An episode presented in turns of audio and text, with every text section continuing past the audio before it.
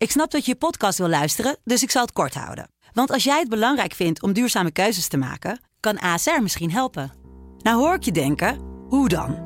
Nou, bijvoorbeeld bij het duurzaam herstellen van schade. Of de premies die we beleggen volgens ons duurzaam beleggingsbeleid. Dat bepaalt waar we wel en juist niet in investeren.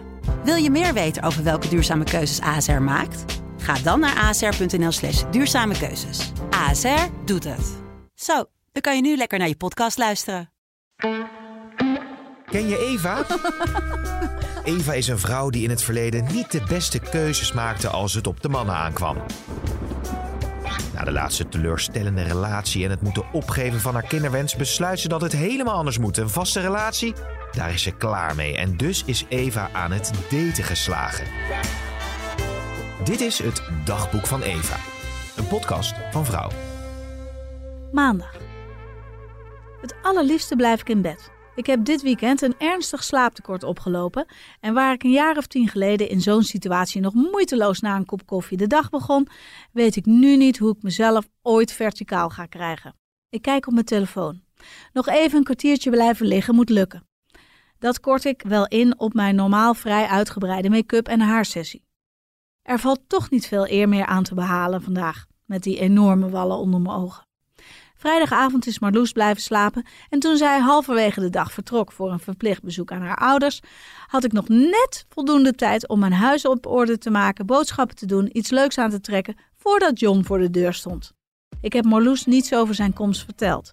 Mocht ze er achteraf achterkomen, dan zeg ik dat het een heel spontaan plan was. Of dat hij onverwacht kwam aanwaaien. Ik had grootse plannen om te gaan koken, maar John stond erop dat we uit eten gingen. We gaan oesters eten, Eve.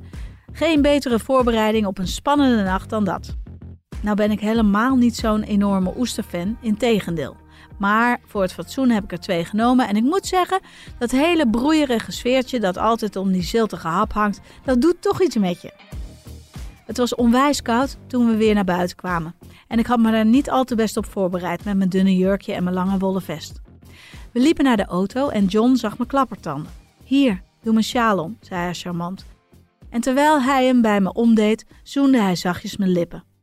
Dit is toch best een hele leuke man, flitste door mijn hoofd. John is zo charmant.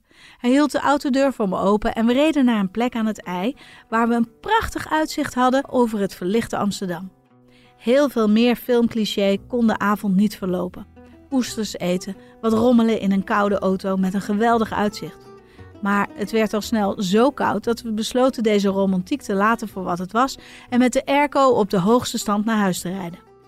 Daar hebben we samen nog minstens anderhalve fles wijn leeggedronken. Ik vind seks het fijnste als de remmingen eraf zijn. Als je tegen elkaar durft te zeggen wat je fijn vindt. Als je je niet druk maakt over een eventuele vetrol. Als je gewoon 100% kunt genieten. En dat heb ik echt gedaan. De hele nacht. Ik denk dat we pas tegen een uur of drie gingen slapen. En daar betaal ik dus nu de tol voor. En voor die overload aan wijn. Ik kijk nogmaals op mijn telefoon en zie dat ik er echt uit moet. Met een diepe zucht sla ik het dekbed van me af. Brr, wat is het toch koud. Die hele decembermaand mogen ze van mij overslaan. Dinsdag. Heb jij dit weekend wat te doen? Het is Marloes en ik weet, of beter, ik denk te weten wat ze van plan is. Ik heb het nog met niemand gedeeld en ik voel dat het nu van mijn hart moet. Ivo lijkt mij de aangewezen persoon om de kwestie bij neer te leggen.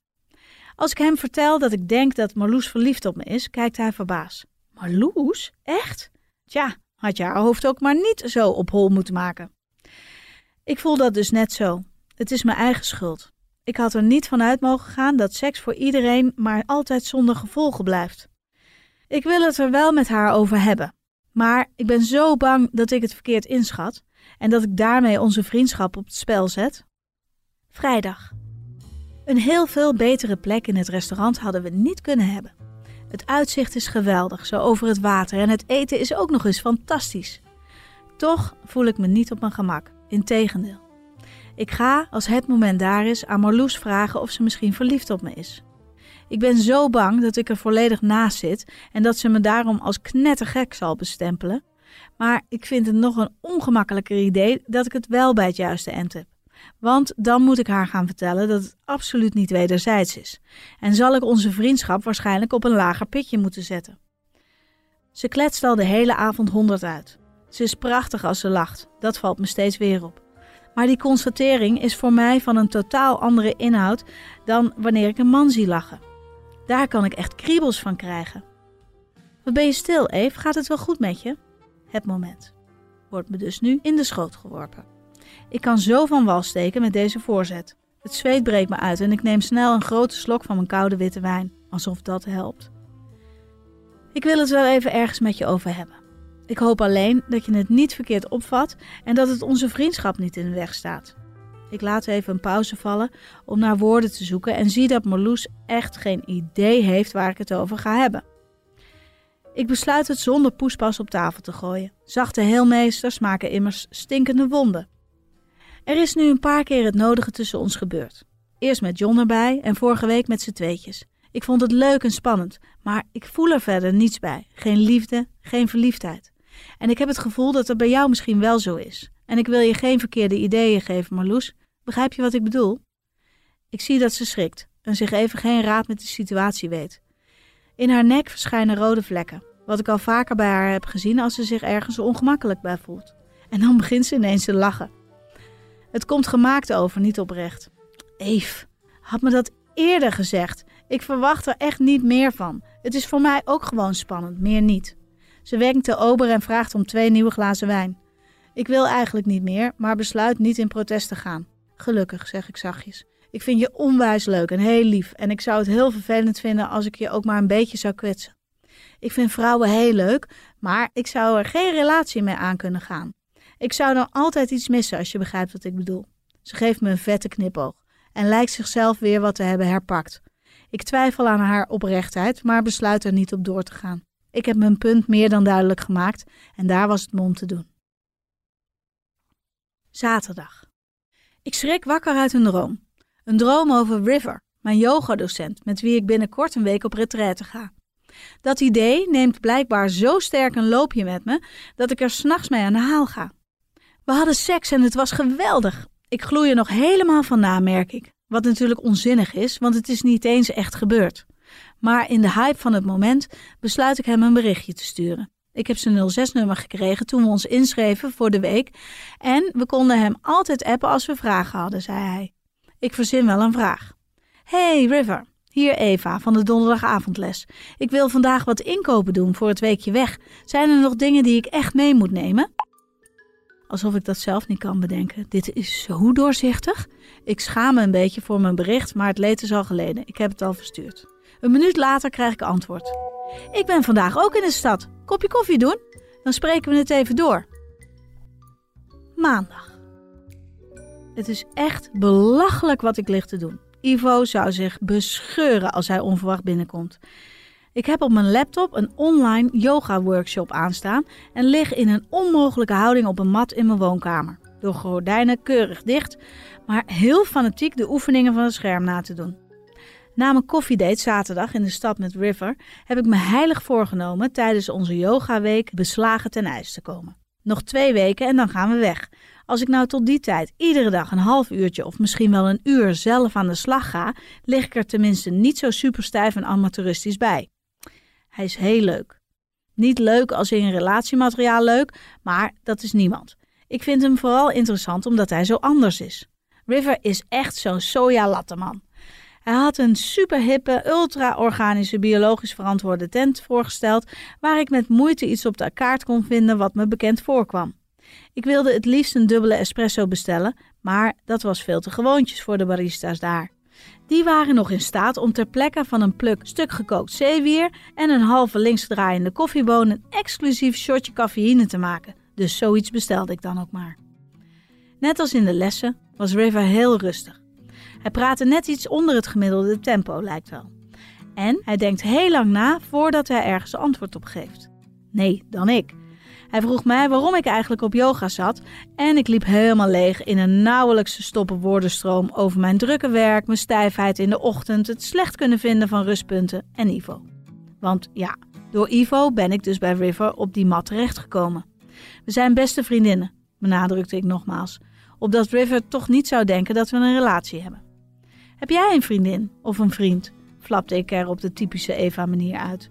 Veel te direct en te bemoeizuchtig. Hoe lang zaten we hier nou al? Vijf minuten? Had ik niet eerst even wat andere onderwerpen aan kunnen snijden? Ik ben momenteel single, reageerde hij met een twinkeling in zijn ogen. Ik vroeg me af of hij wel 100% hetero was. Dit zou toch zomaar een man kunnen zijn die ergens op Ibiza in een woongroep gaat zitten en dan een relatie aangaat met mannen en vrouwen? Het schoot allemaal door mijn hoofd, terwijl de hippe bediening de ingewikkelde ogende koffies voor onze neus zette. Ik weet niet of ik wel zo geschikt ben voor de vastigheid van een relatie, zei hij toen. Ik ben een vrije geest, ik wil me niet binden, maar dat wil niet zeggen dat ik geen liefde wil geven of ontvangen. Integendeel. Als een ieder ander zoiets had gezegd, had ik er waarschijnlijk vreselijk om gelachen. Maar uit Riversmond klonk het bijna magisch. We hebben een uur zitten kletsen en daarna heeft hij me meegenomen naar een winkel waar je geweldige yogakleding kunt kopen. Ik heb me voor een torenhoog bedrag nog twee outfits aan laten smeren en daarna gingen we ieder onze eigen weg. River had met vrienden afgesproken en ik wilde nog even langs bij Helen. Ik vond het gezellig, zei ik bij het afscheid. Je bent een sprankelende persoon met heel veel energie, daar hou ik wel van. Vervolgens sloeg hij beide armen om me heen en gaf me een joviale knuffel, die enkele seconden aanhield. Geen zoenen, alleen een omhelzing. Tot donderdag, riep ik nog toen hij wegfietste. Mijn hoofd was weer eens op hol gebracht door een man. Zaterdag. Thuis? Het is een appje van John. Ja, ik ben thuis. Op zaterdagavond sterker nog, ik lig al in mijn bed en ik voel me niet topfit. Ja, ik lig een beetje grieperig in bed, antwoord ik. Er komt geen reactie. Zelfs een uur later heeft hij nog niet geantwoord, of mij in elk geval sterkte gewenst. Ik zie dat hij het bericht gelezen heeft en hij is ondertussen ook al twee keer online geweest. Het is mijn eer te na om hem te vragen wat er is. Ik ben blijkbaar na mijn appje niet meer interessant voor hem. Hij was vast alleen maar uit op seks. Donderdag. Ivo is meteen na de yogales het toilet ingevlucht, waardoor ik nog even een halve minuut alleen met River in de zaal achterblijf. Ik vond het gezellig zaterdag. Hij kijkt me ineens intens aan en ik schrik er een beetje van. Wat als het voor hem gewoon een koffietje met een klant was, meer niet? Dan sloeg mijn iets wat verleidelijke toon van zojuist echt helemaal nergens op. Ik word heel ongemakkelijk van de situatie en weet even niet wat ik moet zeggen. Fijn dat je er nog even bent. Ik heb iets voor je meegenomen, zegt hij dan. Hij loopt naar zijn tas die hij in de hoek van de zaak heeft gezet en haalt er een boek voor me uit. Hier, dit is echt fantastisch leesvoer. Het gaat over het vinden van je innerlijke rust. Ik schiet in een lach. Innerlijke rust? Ben je bang dat ik dat niet heb? River lacht niet terug, maar kijkt uitermate serieus. Ik weet wel zeker dat jij dat niet hebt. Dat heeft vrijwel niemand. Ik ook niet hoor. We blijven allemaal vrijwel een heel leven lang zoekend. Maar toch heeft dit boek mij heel veel gebracht op dat gebied. Ik vind het weer allemaal veel te zweverig, maar neem het boek aan. Dank je, ik ga het lezen.